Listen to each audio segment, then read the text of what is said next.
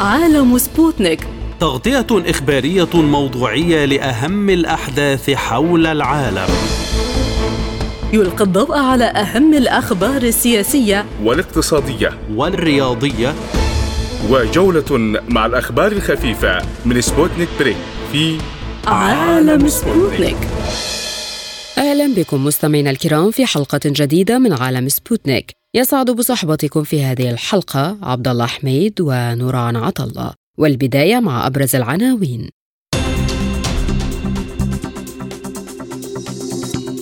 نتنياهو يرفض طلبا امريكيا بهدنة مؤقتة والفصائل الفلسطينية تصد التوغل الإسرائيلي في غزة. وزراء خارجية مصر والأردن وقطر والسعودية والإمارات يجتمعون مع بلينكن بالأردن. نصر الله يؤكد أن كل الاحتمالات والخيارات على الجبهة اللبنانية مفتوحة. البيت الأبيض يقر بخفض حزم المساعدات لأوكرانيا بسبب نفاذ الأموال التي خصصها الكونغرس. واقتصاديا تحذيرات من تأثيرات قوية للحرب في غزة على الاقتصاد الأوروبي.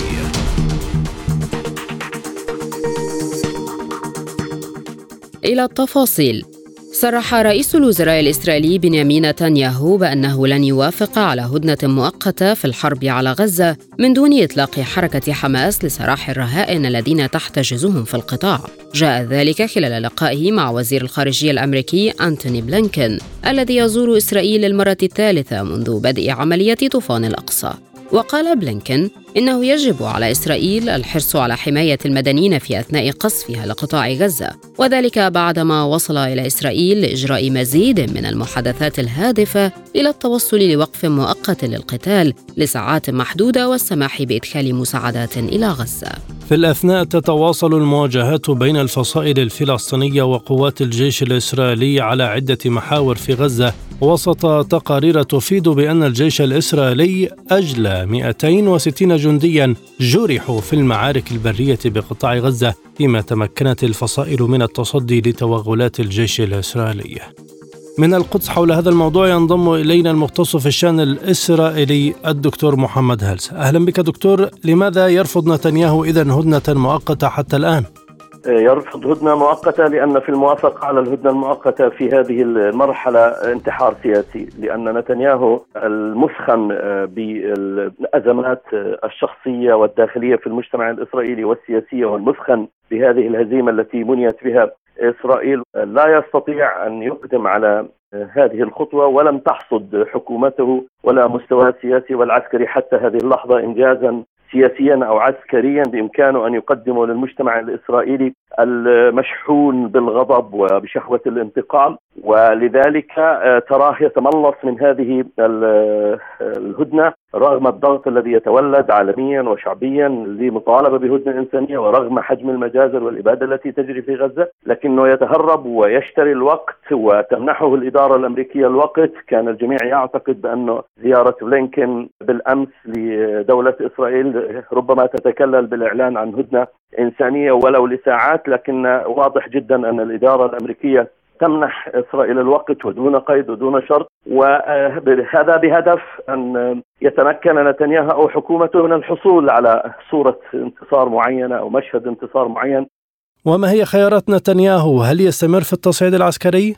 الواضح أنه مستمر وطالما أنه لا شيء يردع إسرائيل ويمنعها من المضي في هذا المسعى هي ستستمر لأنه لا خيار آخر أمامها. نتنياهو شخصيا يسعى إلى إطالة أمد هذه الحرب لأنه كلما أطال أمدها كلما تهرب من استحقاقات الإجابة على أسئلة الفشل والخسارة التي يتوعد بها المجتمع الإسرائيلي داخليا وربما بخلاف ما كان يجري تاريخيا في المجتمع الإسرائيلي من تأجيل المحاسبة ومساءلة يعني المسؤولين عن الفشل ونذكر جولدا مائير حينما جرى إرغامها على الاستقالة بعد حرب 73 بعد انتهاء الحرب أشهر ربما الآن في إسرائيل يجري الضغط لمحاسبة نتنياهو حتى أثناء هذه المعركة. هنالك أصوات شديدة جدا وهنالك دعوات في داخل المجتمع الإسرائيلي محاسبة نتنياهو. نتنياهو يدرك بأن اللحظة التي يوقف فيها النار أو ولو جزئيا ولو للحصول على هدنة دون أن يكون مشهد انتصار معين هذا هذا ورطة وبالتالي هو يذهب إلى مزيد من الدمار ومزيد من القتل. لأنه لا هدف استراتيجي لدى إسرائيل تحققه سوى هذا الأمر. جعل أشلاء الفلسطينيين ودماءهم عبئا ثقيلا على الفلسطينيين حتى يرفعوا الراية وهذا الأمر يبدو أنه لا يتحقق و عامل الوقت مهم جدا. السؤال كم من الوقت يتاح لنتنياهو لاستمرار تنفيذ هذه هذه هذه المخططات؟ أعتقد بأن الوقت يضيق على نتنياهو وعلى حكومته خاصة فيما يخص المجتمع الداخلي الإسرائيلي. كيف يمكن قراءة تصريحات بايدن التي قال فيها إنه أصبح من الصعب على إسرائيل تحقيق أهدافها العسكرية في غزة بسبب حجم المعاناة هناك؟ الواقع أن الولايات المتحدة حينما أطلقت يد إسرائيل وغطت عليها وتبنت رواياتها هي كانت تهدف أن تطلق يد إسرائيل لربما يعني كان بإمكان إسرائيل أن تحقق صورة إنجاز معينة يعني تخفف من حالة الاحتقان الداخلية الإسرائيلية، الإدارة الأمريكية تدرك حجم الإيذاء الذي حدث في إسرائيل عسكريا وسياسيا ونفسيا لذلك هي لا تجرؤ في هذه المرحلة أو في بدايات المرحلة. لم تطرح فكرة وقف إطلاق النار أو الهدنة الإنسانية وغيره لاعتقادها بأن هذا الأمر سيجابه بردة فعل خاطبة غاضبة وساخطة جدا من الحليف الاستراتيجي الإسرائيلي الذي هو أيضا صورتها وصورة مصالحها في في المنطقة. آه، مسألة مهمة أخرى هي أنه الضغط الذي يتولد الآن على الإدارة الأمريكية حتى في داخل المجتمع الأمريكي والدعوات التي تظهر ل يعني وقف هذه الحرب آه، أيضا تجعل الولايات المتحدة تخسر أوراق ومن ضمنها الورقة الانتخابية. الآن في يعني ولايات كبيرة جدا يدور الحديث عن فقدان الحزب الديمقراطي لأصوات العرب والمسلمين الذين كان من المفترض أو المرجح أنهم سيصوتون للحزب الديمقراطي، هذا جزء من المشهد العام طبعا بالإضافة إلى صوره صوره أخرى تتعلق بالإقليم ومصالح الولايات المتحدة في الإقليم ومقدرة الولايات المتحدة على استمرار التغطية أو التغطية على إسرائيل في كل ما تفعله من مجازر فصور الدمار والقتل والإبادة التي تجري لم تعد لم تعد يعني تنطلي على أحد أنها في إطار الدفاع عن النفس وبدأت تنقلب ينقلب مشهد الرأي العام الرسمي والشعبي في الولايات المتحدة وفي الغرب بشكل عام وفي أوروبا الذي كان يطلق إسرائيل ويسمح لها بالذهاب إلى أقصى حدود الممكن. الآن أيضا المعضلة لنتنياهو ليست فقط في انكشاف الغطاء وتفكك الرواية الخارجية المتبنية لنتنياهو وحكومته، إنما أيضا في تفكك الغطاء الداخلي وهذا ربما يكون بالنسبة لنتنياهو معضلة أكبر من الغطاء الخارجي، لأنه في الغطاء الخارجي تاريخيا ظلت إسرائيل فوق القانون ولا يهمها أي اعتبار آه، لمؤسسات دولية ولقوانين دوليه ولحقوق انسان ولغيرها، داخليا الأهم بالنسبة لإسرائيل وهذا الذي يعني آه، تسابق الزمن إسرائيل فيه لمحاوله الحصول على مشهد انتصار يجعلها تنزل عن الشجرة. وبالمناسبة الحديث عن نزول الشجرة جزء كبير مما يجري في داخل المجتمع الإسرائيلي من ارتدادات لهذه الحرب على الصعيد المادي وعلى صعيد الشرعية الداخلية وعلى صعيد ال ال الوقت الذي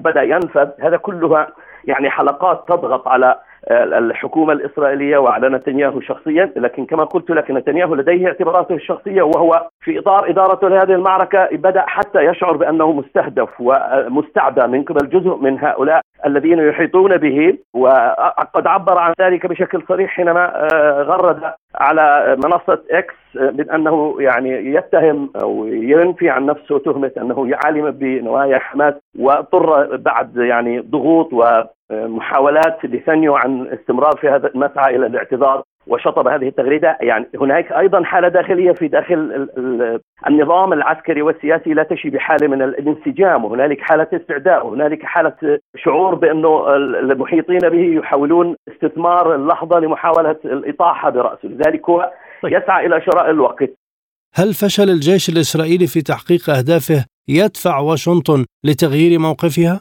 هذا واحد من الاعتبارات التي ستدفع الولايات المتحدة إلى تغيير موقفها. نعم بأن الجيش الإسرائيلي لم يقم إلا بتدمير البنية التحتية المدنية للمجتمع الفلسطيني والقتل. لم تتحقق لغاية هذه اللحظة أي أهداف حتى في إطار المسعى البري العملية البرية متعثرة جدا. إذا تذكر معي كانت تصريح بايدن في اللحظات الأولى بعد يوم السابع من أكتوبر بأنه طلبنا من إسرائيل أن يكون موقفها حاد وحازم وأطلق يد إسرائيل، الآن هذه الأهداف الكبيرة التي رسمتها إسرائيل بالاطاحه بحكم حماس كانت تقتضي بالدرجة الأولى الوصول إلى برا إلى والسيطره على قطاع غزة بشكل كامل، واضح جدا أنه هذا المسعى يتعثر والآن نحن نقترب من شهر من عمر هذه المواجهة وما زالت إسرائيل لم تعلن بشكل رسمي عن عملية برية وهي تدرك بأنه الإعلان عن عملية برية هو بمثابة يعني ورطة ستورط نفسها بها لأن إذا اعلنت عن عملية برية وتوقفت في لحظة ما سيبدو صورتها وكأنها فشلت. لذلك هي تقوم بمناورات دخول هنا ودخول هناك حالات استعراضية حتى لا تظهر المظهر الضعيف الذي لا يستطيع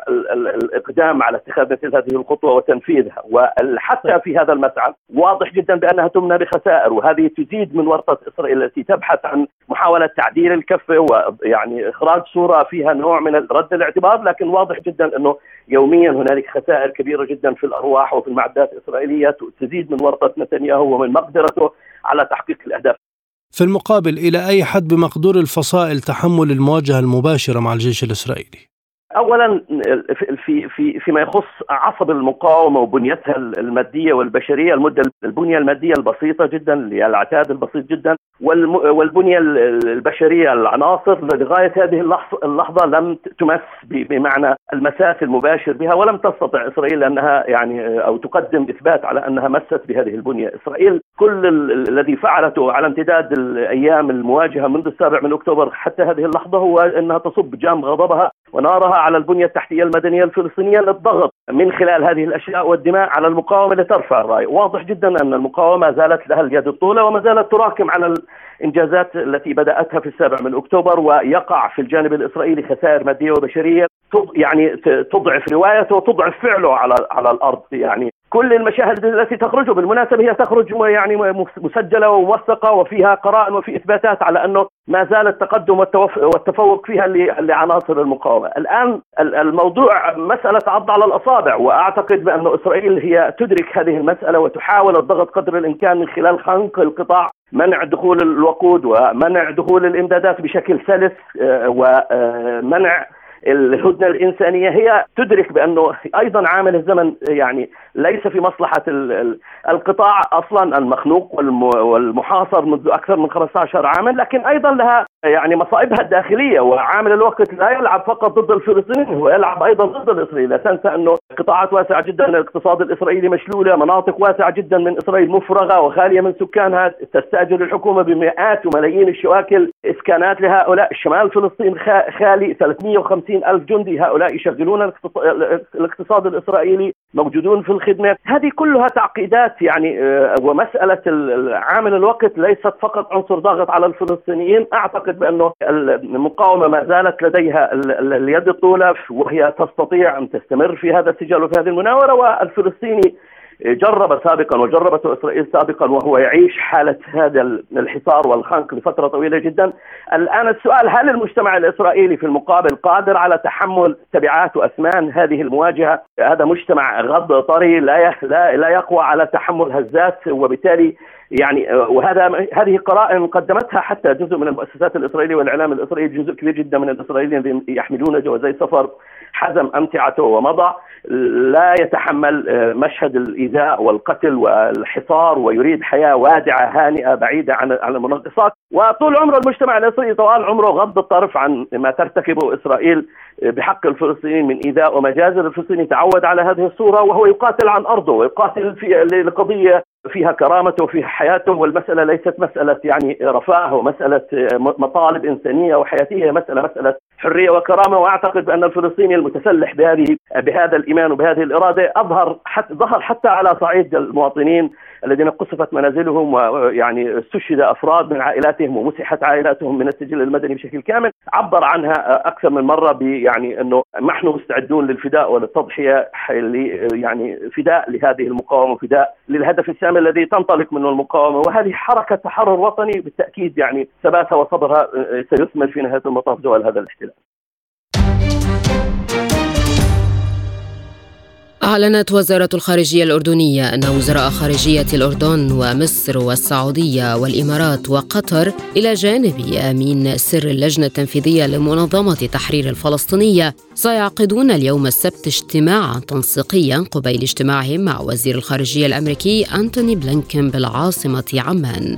وقال المتحدث الرسمي باسم وزارة الخارجية الأردنية السفير سفيان القضاة في بيان للخارجية الأردنية إن نائب رئيس الوزراء وزير الخارجية وشؤون المغتربين أيمن الصفدي ووزراء خارجية دولة الإمارات العربية المتحدة والمملكة العربية السعودية وقطر وجمهورية مصر العربية وأمين سر اللجنة التنفيذية لمنظمة التحرير الفلسطينية سيعقدون اجتماعا تنسيقيا في سياق جهودهم المستهدفة للتوصل لوقف الحرب الإسرائيلية. على غزة وما تسببه من كارثة إنسانية. وأضاف أن الوزراء سيعقدون بعد ذلك اجتماعا مشتركا مع وزير الخارجية الأمريكي أنتوني بلينكين يؤكدون خلاله الموقف العربي الداعي لوقف فوري لإطلاق النار وإيصال المساعدات الإنسانية بشكل فوري وعاجل للقطاع كما يبحثون مع بلينكين كل تداعيات وسبل إنهاء هذا التدهور الخطير الذي يهدد أمن المنطقة برمتها. ينضم إلينا من عمان حول الموضوع الكاتب والمحلل السياسي السيد رجاء طلب. أهلا بك سيد الكريم. ما أهمية توقيت هذا الاجتماع في ظل الإصرار الإسرائيلي على التصعيد؟ لا الاجتماع بكل تأكيد يعني في هذا الوقت بالذات وهذا المجموع من الدول العربية المهمة والفاعلة والمؤثرة هو مفصل آه، سياسي آه، مهم وضروري. وأهميته تكون حقيقة بمخرجاته ومدى قدرة الجانب العربي بالضغط على الولايات المتحدة الأمريكية وتحديدا وزير خارجيتها الذي تفاخر بأنه وصل إلى إلى دولة الاحتلال وقال أنا وصلت إلى هنا كيهودي وليس كوزير خارجية. وهذه العبارة تؤكد بما لا يدع مجالا للشك بأنه يمارس مهنته باعتباره صهيوني يهودي وليس وزيرا لدولة الولايات المتحدة. على كل الأحوال يجب أن يكون هناك موقف عربي ضاغط آه، جدا. وهناك طبعا مصالح شديدة للولايات المتحدة مع المجموعة العربية التي ستحضر هذا الاجتماع. ويجب على الجانب العربي بكل بساطة وكبديهة أن يقول لهم أن مصالحكم لدينا. يجب أن تكون مثل ما تراعوا مصالحكم مع إسرائيل. عليكم أن تتوازنوا وتراعوا مصالحكم معنا. وإلا فإننا مضطرون لاتخاذ إجراءات أقلها وقف التطبيع مع إسرائيل وعزلها. هذا يعني هذا بالحد الأدنى ودون ذلك سيكون هذا الاجتماع مجرد اجتماعا روتينيا لا يقدم ولا يؤخر وفرصة لالتقاط الصور على يعني جثث ودماء أبناء غزة. على ضوء المطالبات العربية، ماذا يمكن أن ينتج عن هذا الاجتماع؟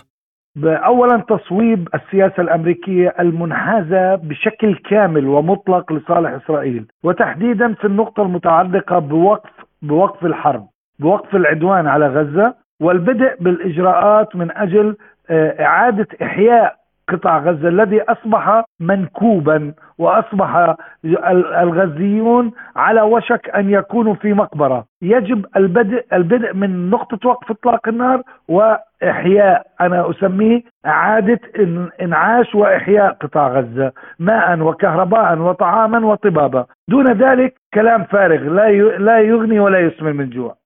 ما الذي يجعل الإدارة الأمريكية تقتنع بأي طرح عربي؟ المصالح عزيزي عندما تقايض بالمصالح أهمها بالنسبة لهذه الإدارة كانت هي أن تقوم هناك علاقات تطبيع مثلا مع المملكة العربية السعودية ودولة الاحتلال الأردن طرد السفير الإسرائيلي وسحب سفيره من من تل أبيب يجب والإمارات فعلت ذلك. يجب أن يكون هناك مقايضة، مقايضة بالمصالح، مقايضة ب ب ب بالخطوات السياسية، يجب عزل يعني الموقف الأمريكي ليس في في قمة قوته، خاصة هذه الإدارة، هذه إدارة متشتتة بين أوكرانيا والحرب مع روسيا عبر أوكرانيا وبين الشرق الأوسط التي آه، فاجأتهم بها الأحداث وبالتالي هم متخبطون. هذه إدارة ضعيفة على الجانب العربي أن يمارس قوته. لا أعلم أنا ماذا سيجري في كواليس هذا الاجتماع ولكن مثلما قلت قبل قليل إن لم يكن هناك تعديل في السلوك الأمريكي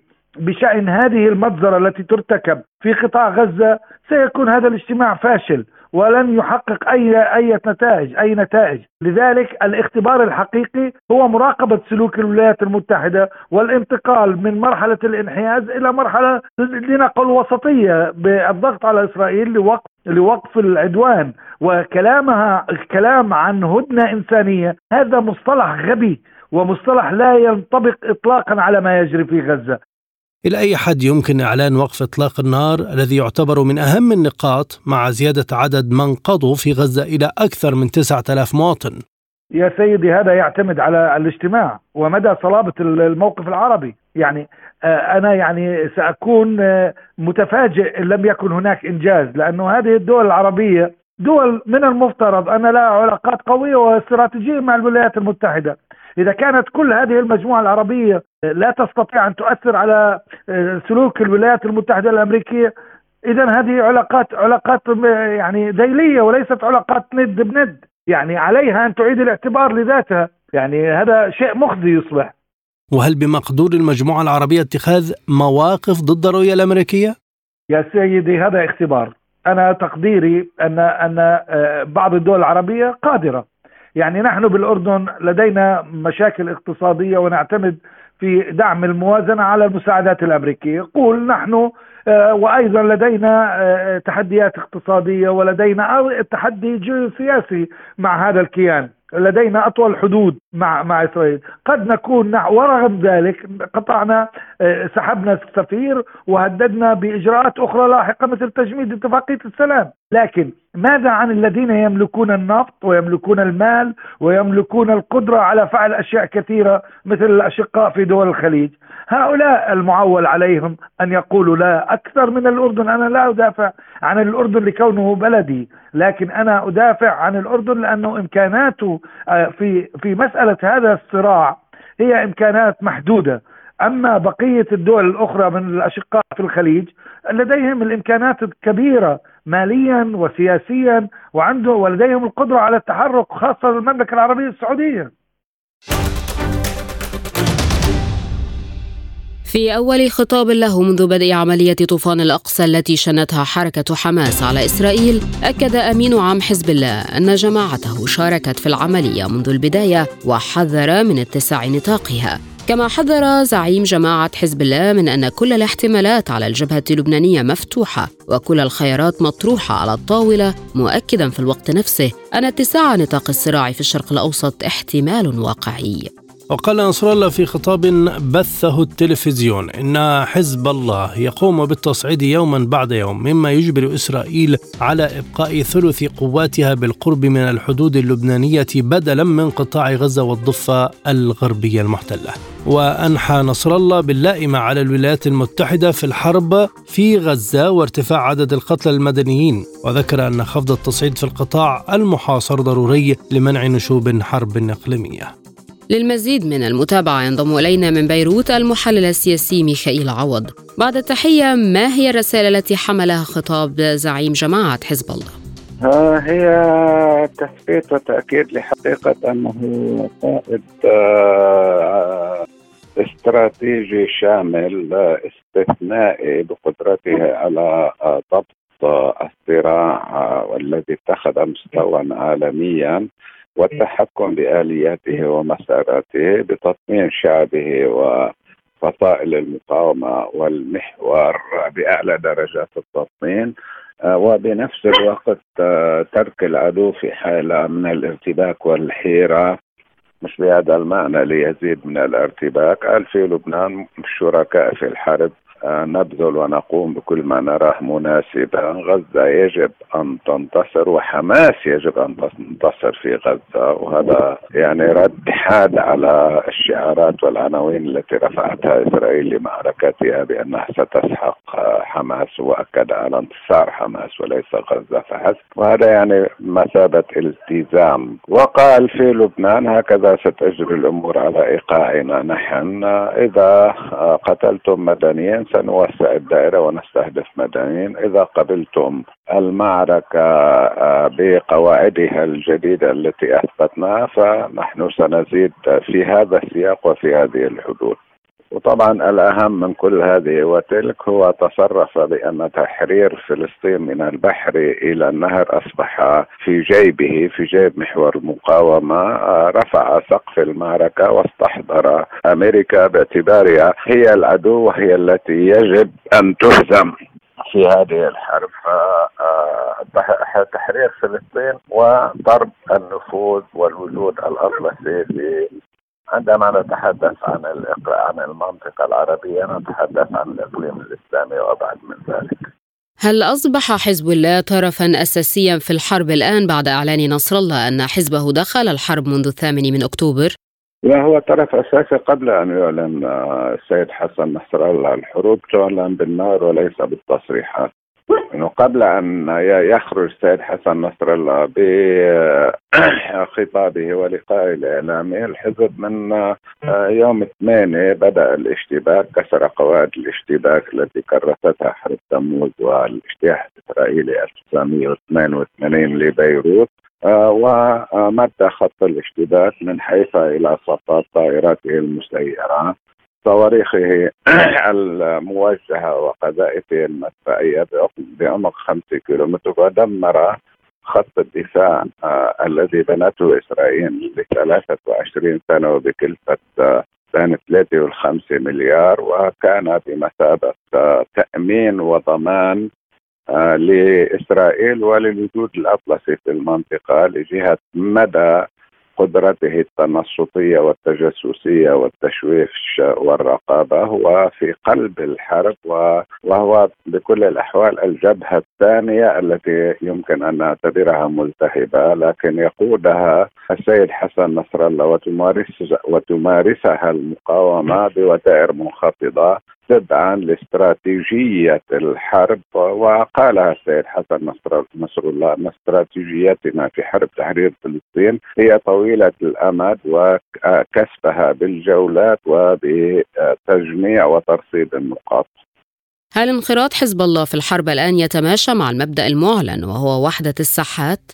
سيدتي في الواقع جاوزنا آه، في هذه الحرب وحدة الساحات إلى وحدة الجبهات وحدة الساحات تعبير ينطبق على الساحات الفلسطينية أي أن الضفة وغزة ساحتين أن اللاجئين ساحة أن فلسطينية 48 ساحة. هذه تحققت منذ زمن. في هذه الحرب تحقق شيء أهم وأعلى ولم يسبق أن تحقق في الصراع العربي الإسرائيلي منذ تاريخه هو وحدة الجبهات. الآن القتال يدور والحرب دائرة آه، في ست جبهات في في جبهة آه، آه، في جبهة غزة ملتهبة في جبهة الضفة ملتهبة في جبهة الجولان في الجولان وسوريا في حالة حرب 2012 بين فترة وأخرى تجري تحرشات.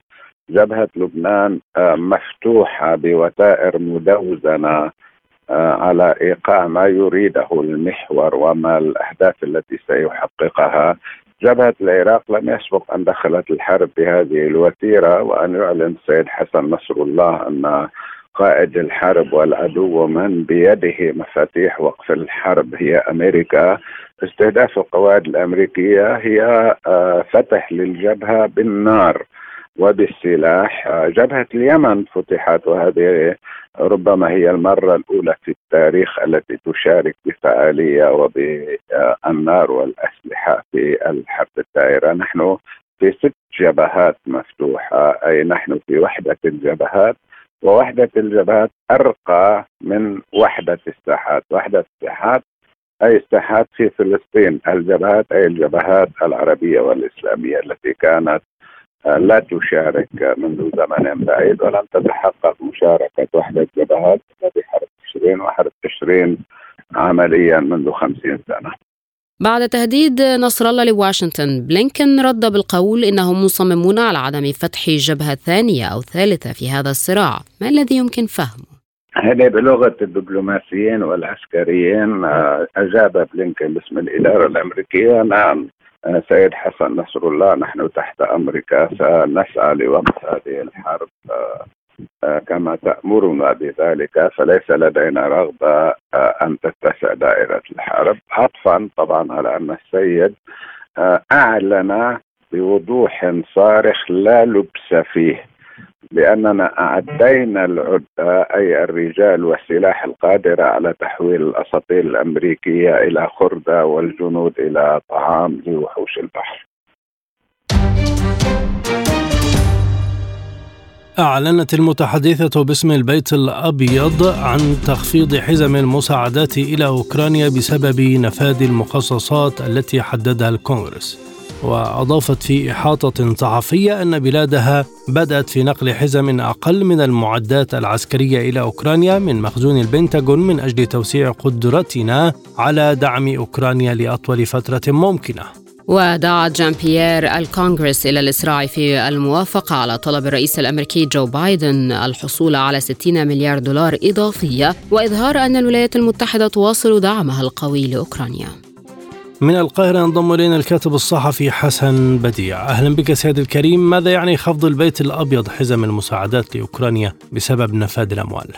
ربما تكون دي إحدى النتائج المترتبة على الدعم الأمريكي اللامحدود آه، للكيان الصهيوني في حربه الإجرامية على أهلنا في غزة وقطاع غزة واضطرار الإدارة الأمريكية إلى رصد مبالغ 3 مليار ثم 10 مليار ثم آخر كلام معلن 14 مليار وتقريبا 3 من 10 في رصد متتالي. وبالتالي أعتقد إن ده أحد الأسباب الرئيسية ثم إن آه، من الواضح إن الإدارة الأمريكية والتي تعاني من كثير من المشكلات الاقتصادية وتواجه حربا اقتصادية طاحنة مع الصين من الواضح آه، إن لديها أزمة مالية حقيقية آه، بعد فتح ملف الصراع العربي الإسرائيلي في الشرق الأوسط وأيضا حنفية الفساد الرهيبة التي لا تنتهي في أوكرانيا والتي تستنزف الكثير من المساعدات الأمريكية والغربية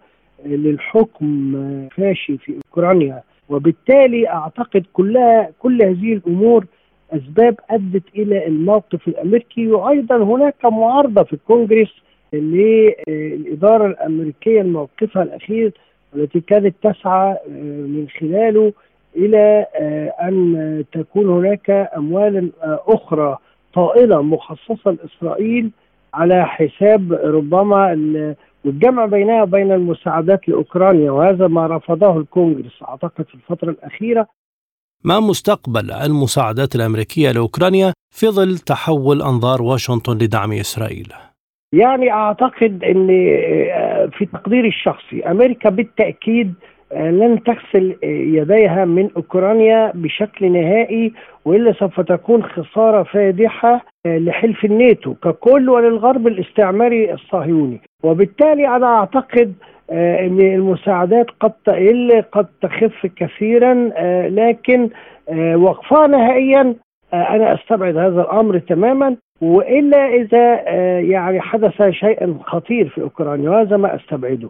وبالتالي في تقديري الشخصي أن آه، المساعدة الأمريكية آه، سوف يستمر تستمر لأوكرانيا لكن بوتيره مختلفة.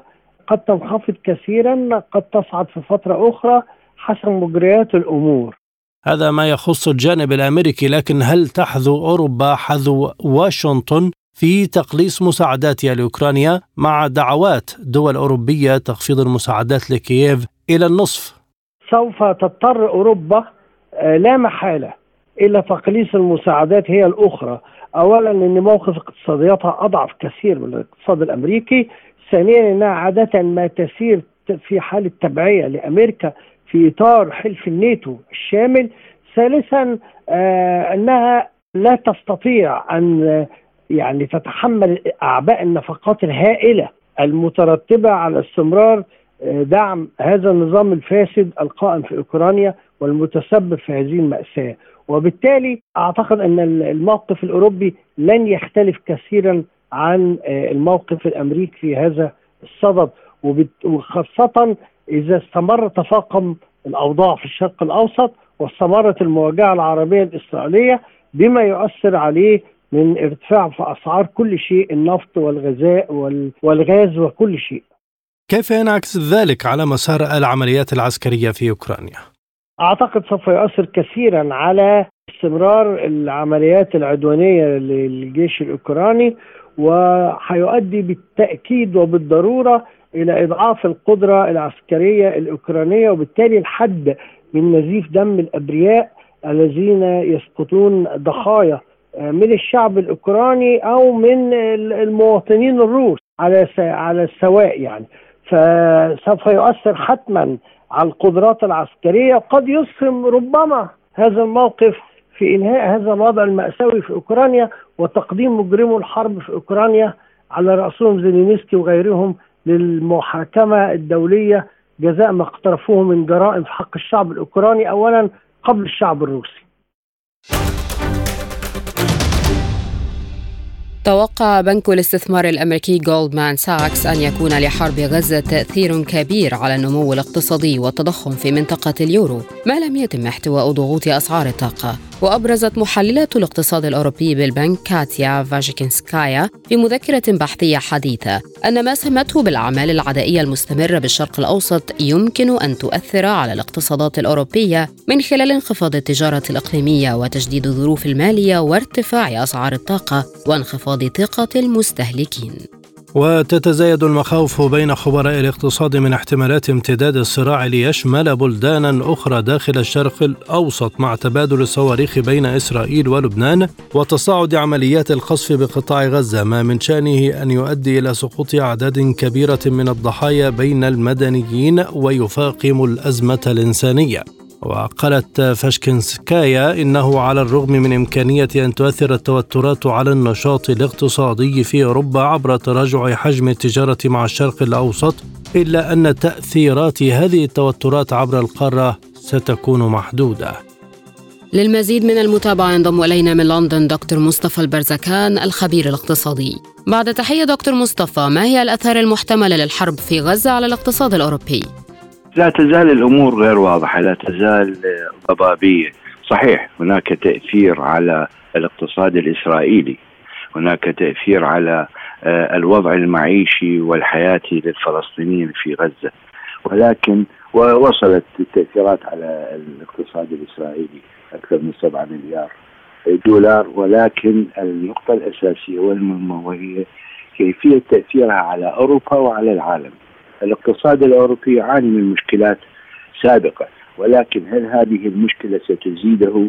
آه، مشكلات جديدة؟ أنا أعتقد لا تزال المرحلة في بدايتها، هذه نقطة، النقطة الثانية وأهم حاجة قد يكون هناك تأثير الاتحاد الأوروبي هو على مصادر النفط والغاز وخاصة بعد آه، تخلي الاتحاد الأوروبي عن الاعتماد على النفط والغاز الروسي بسبب استراتيجية فرضت امريكيا ولذلك هناك توافق بين كافة الدول بغض النظر عن اتجاهاتها أو مواقفها تجاه الحرب في غزة. هناك توافق بعدم تأثر آه، مصادر النفط والغاز وكذلك تأثر آه، خطوط الملاحة التي تنقل النفط والغاز. ولذلك آه، اخذا بالاعتبار هذا هذا العامل الذي لا يزال لم يؤثر على مصادر الطاقة العالمية. فأنا أعتقد أنه من السابق لأوانه تأشير أن هناك تأثيرات كبيرة على الاقتصاد الأوروبي. ما تأثير المخاوف من توسع الصراع على صادرات الغاز الأوروبية القادمة من الخليج وخصوصا قطر؟ صحيح بالنسبة للاتحاد الأوروبي هناك اتفاقات جديدة بين الاتحاد الأوروبي وقطر. هناك مصادر للطاقة من الجزائر هناك مصادر للغاز من مصر.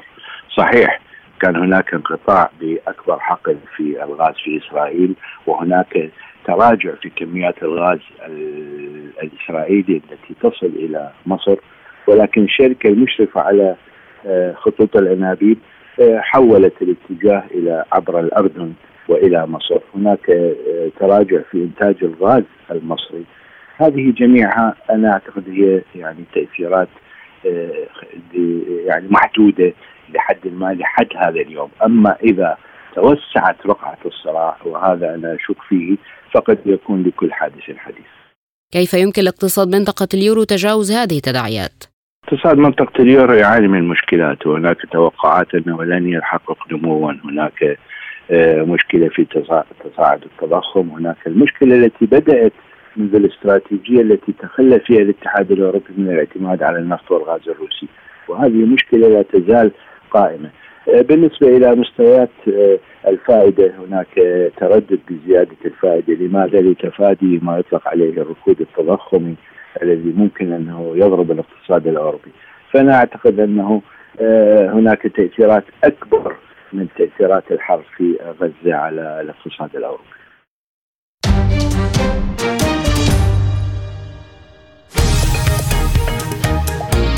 عالم سبوتنيك يغطي جميع الأحداث السياسية والاقتصادية والرياضية حول العالم على مدار ساعة تتابعون عالم سبوتنيك مع أهم خبراء التحليل السياسي والاقتصادي.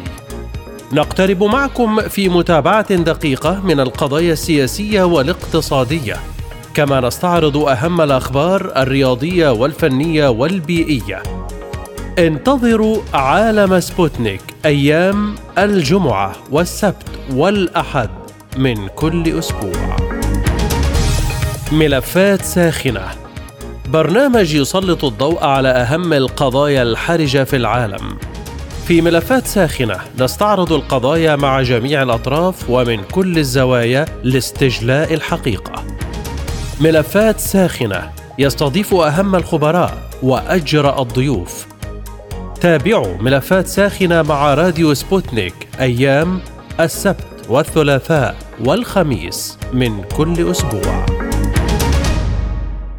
الآن إلى جولة من الأخبار حول العالم. أكد نائب وزير الخارجية الروسي ألكسندر جروشكو أن روسيا ستأخذ في الاعتبار أثناء تخطيطها العسكري العملياتي نقل مقاتلات F 35 الأمريكية القادرة على حمل أسلحة نووية إلى بريطانيا مستقبلا وستتخذ الاحتياطات اللازمة. وقال جروشكو في تصريحات لوكالة سبوتنيك على هامش المنتدى الاقتصادي الأوراسي إن نقل مقاتلات F-35 هو خطوة لزيادة الضغط العسكري على روسيا وأشار إلى أنه سيتم أخذ هذا القرار في الاعتبار أثناء التخطيط العسكري وتدريب القوات. أفادت وسائل إعلام أمريكية نقلا عن مسؤولين بأن الولايات المتحدة ودولا أوروبية تناقش مع أوكرانيا ما ينبغي أن تتخلى عنه خلال مفاوضات السلام المحتملة مع روسيا للتوصل لاتفاق لإنهاء الحرب. وأوضحت أن المحادثات تضمنت الخطوط العريضة لبعض المسائل التي سيتعين على أوكرانيا التخلي عنها خلال المفاوضات مع روسيا للتوصل إلى اتفاق وأشار التقارير إلى أن المسؤولين الأمريكيين والأوروبيين يشعرون أن الحرب في أوكرانيا وصلت إلى طريق مسدود وأنهم ليسوا واثقين من قدرة بلادهم على مواصلة تقديم الدعم لكييف. أكد رئيس حكومة تصريف الأعمال في لبنان نجيب ميقاتي أن الأولوية لوقف عدوان إسرائيل في غزة وعلى جنوب لبنان. وقال ميقاتي خلال لقائه مع وزير الخارجية الأمريكي أنتوني بلينكن في العاصمة الأردنية عمان أن بلاده ملتزم بالشرعية الدولية وتطبيق القرار الدولي رقم 1701 والتنسيق مع قوات اليونيفيل. وطلب المجتمع الدولي بالضغط على إسرائيل لوقف التعديات اليومية على أرضه وسيادته برا وبحرا وجوا. رجح مسؤول كبير في الإدارة الأمريكية أن تدخل الحرب الإسرائيلية على غزة مرحلة جديدة خلال الأيام المقبلة. حيث تقوم القوات الإسرائيلية بتقليص حملتها الجوية والتركيز بشكل أكبر على العمليات البرية بشكل أكثر تكتيكية. وتوقع المسؤول الأمريكي في تصريحات صحفية مع استمرار تدفق المساعدات الإنسانية إلى قطاع غزة أن تشهد الحملة الجوية الإسرائيلية انخفاضا في الحدة والتحول نحو التركيز على العمليات البرية بهدف التصدي للأنفاق الأرضية التي تستخدمها حماس.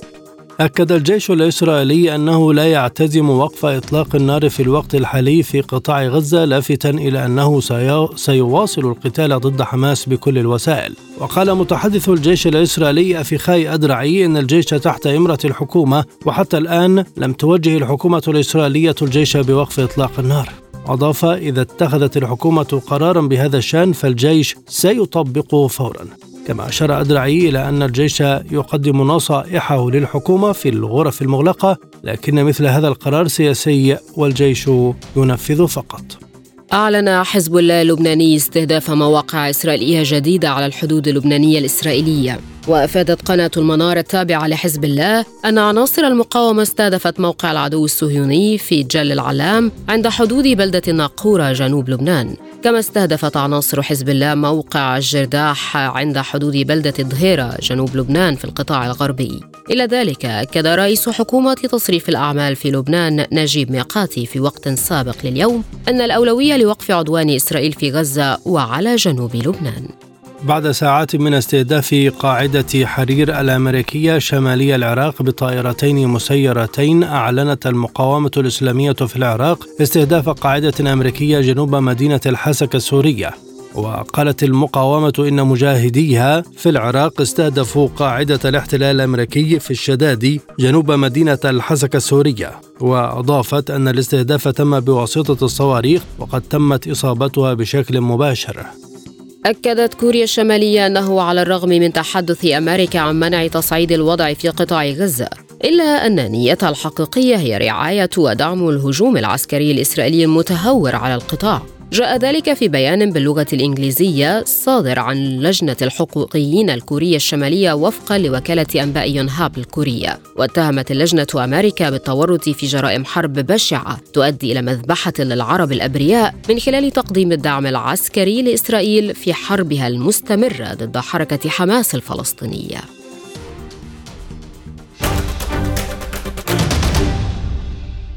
مستمرون معكم وهذه تذكرة بأهم عناوين عالم سبوتنيك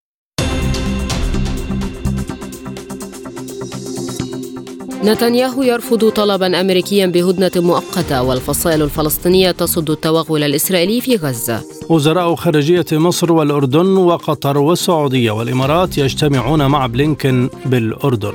نصر الله يؤكد أن كل الاحتمالات والخيارات على الجبهة اللبنانية مفتوحة. البيت الأبيض يقر بخفض حزم المساعدات لأوكرانيا بسبب نفاذ الأموال التي خصصها الكونغرس. اقتصاديا تحذيرات من تأثيرات قوية للحرب في غزة على الاقتصاد الأوروبي.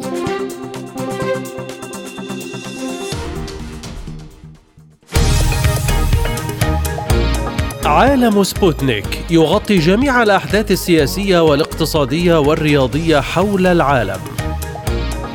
على مدار ساعة تتابعون عالم سبوتنيك مع أهم خبراء التحليل السياسي والاقتصادي. نقترب معكم في متابعة دقيقة من القضايا السياسية والاقتصادية، كما نستعرض أهم الأخبار الرياضية والفنية والبيئية. انتظروا عالم سبوتنيك أيام الجمعة والسبت والأحد من كل أسبوع. مساحة حرة برنامج يسلط الضوء على أهم القضايا الاجتماعية والاقتصادية حول العالم. في مساحة حرة تنوع في الآراء وثراء في النقاش. مساحة حرة يأتيكم عبر راديو سبوتنيك الاثنين والخميس من كل أسبوع. الآن متابعينا الكرام إلى أخبار الاقتصاد.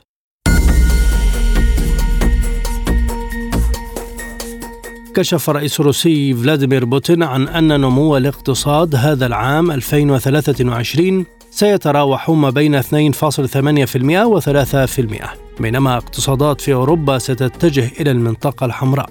وخلال لقاء مع التشكيلة الجديدة للغرفة المدنية في روسيا تساءل الرئيس الروسي عن النتائج التي حققها الغرب بما في ذلك الاتحاد الأوروبي من التخلي عن موارد الطاقة الروسية. مشددا على أن موسكو ليست سعيدة بتراجع الاقتصاد الأوروبي لكنه ببساطة يوضح واقع الأمور. وقال بوتين إن نتيجة تخلي الغرب عن موارد الطاقة الروسية هي أنه بنهاية العام سيصل نمو الناتج المحلي الإجمالي لروسيا إلى 2.8 أو 2.9% أو حتى إلى 3% أما في الاقتصادات الرائدة بأوروبا فإنهم سيعانون من تراجع الاقتصاد ليس تراجعا كبيرا لكنه يعد تراجعا بحسب قوله.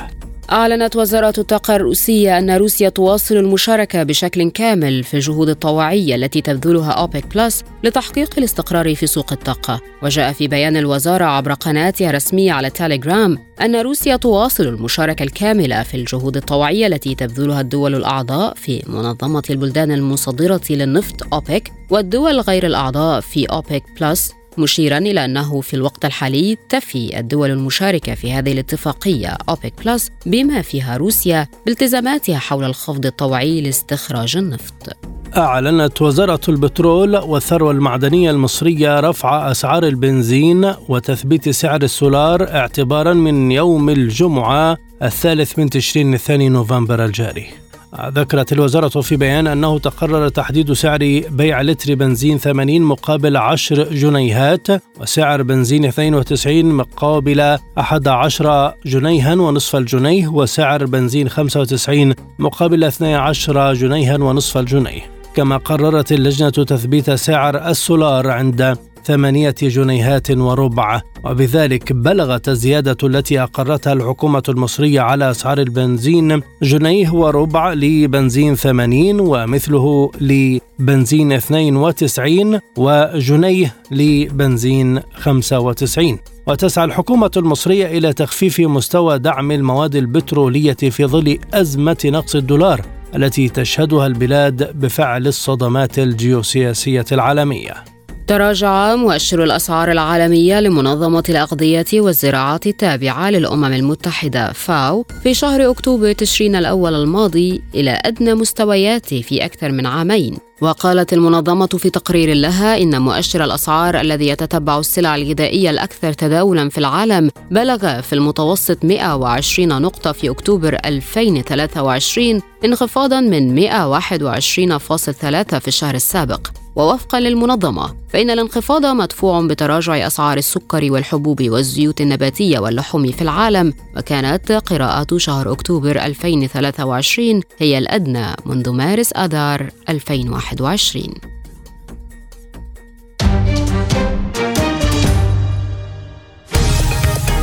ملفات ساخنة. برنامج يسلط الضوء على أهم القضايا الحرجة في العالم.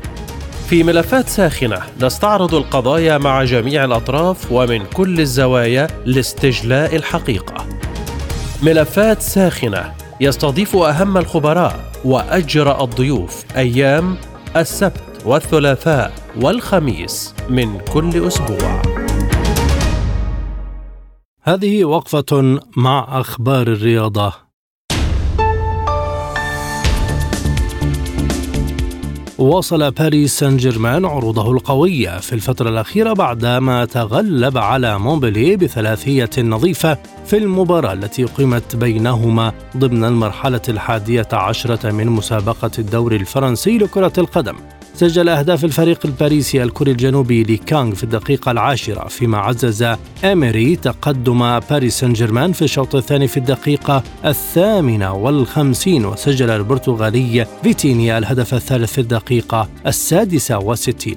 بذلك رفع باريس سان جيرمان رصيده إلى 24 نقطة في المركز الأول مؤقتا بفارق نقطتين عن نيس الوصيف الذي لعب مباراة أقل.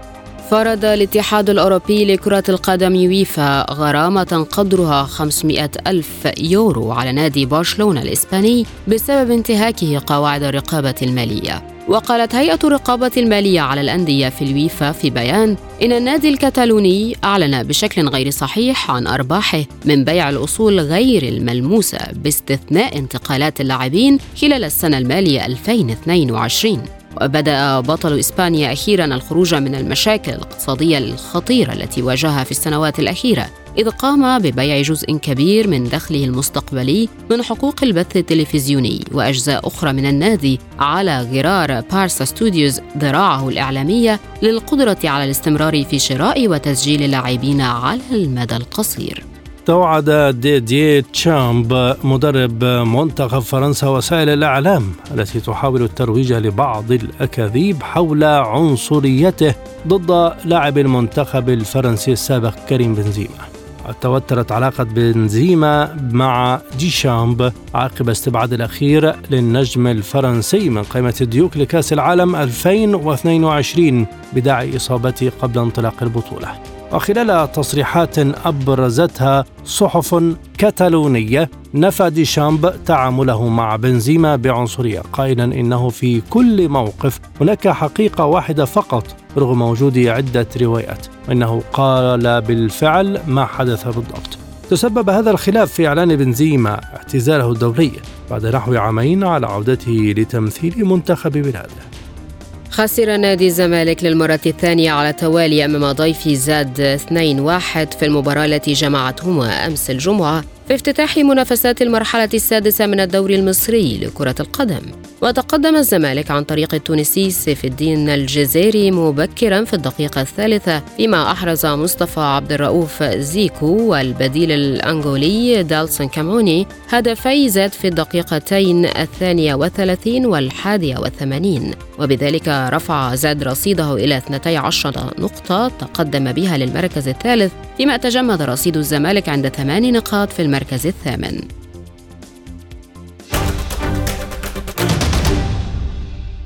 سبوتنيك break والأخبار الخفيفة.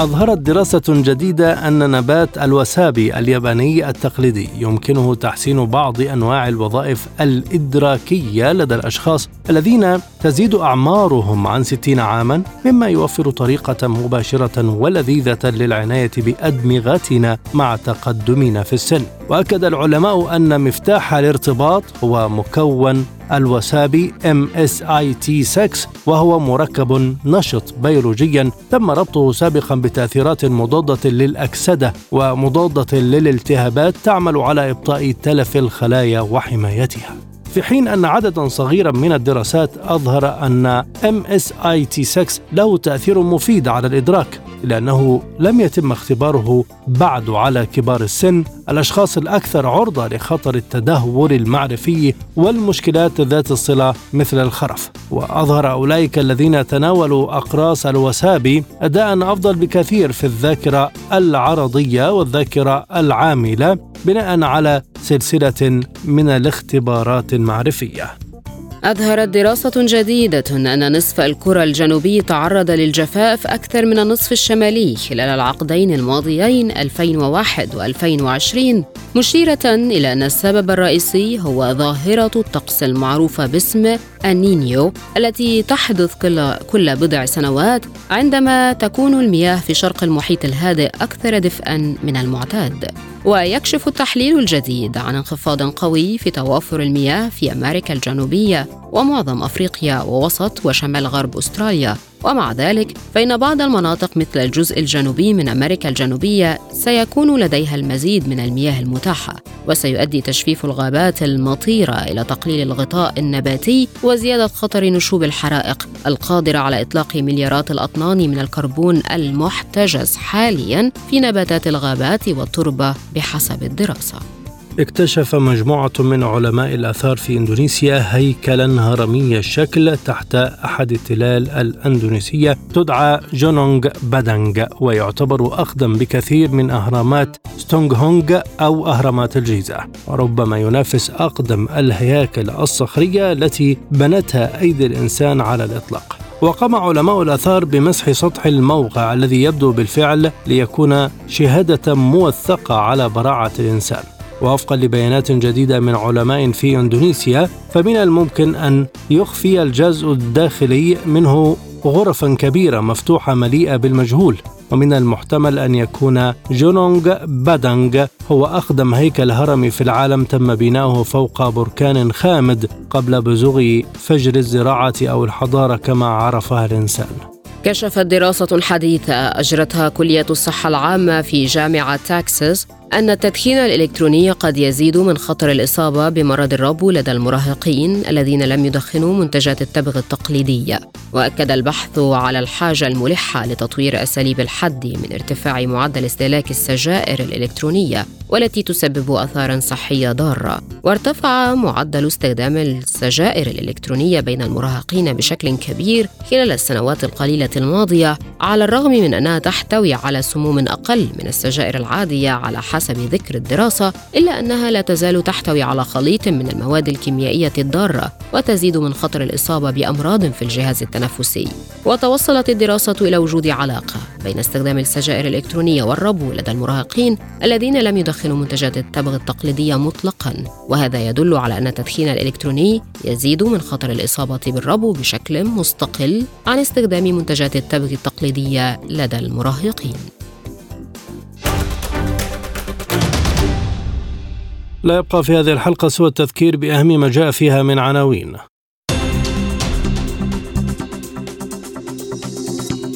نتنياهو يرفض طلبا أمريكيا بهدنة مؤقتة والفصائل الفلسطينية تصد التوغل الإسرائيلي في غزة. وزراء خارجية مصر والأردن وقطر والسعودية والإمارات يجتمعون مع بلينكن في عمان. نصر الله يؤكد أن كل الاحتمالات والخيارات على الجبهة اللبنانية مفتوحة. البيت الأبيض يقر بخفض حزم المساعدات لأوكرانيا بسبب نفاذ الأموال التي خصصها الكونغرس. اقتصاديا تحذيرات من تأثيرات قوية للحرب في غزة على الاقتصاد الأوروبي. رياضيا باريس سان جيرمان يتصدر الدوري الفرنسي مؤقتا بعد فوزه على مونبلييه بثلاثية نظيفة. للمزيد زوروا موقعنا سبوتنيك dot ae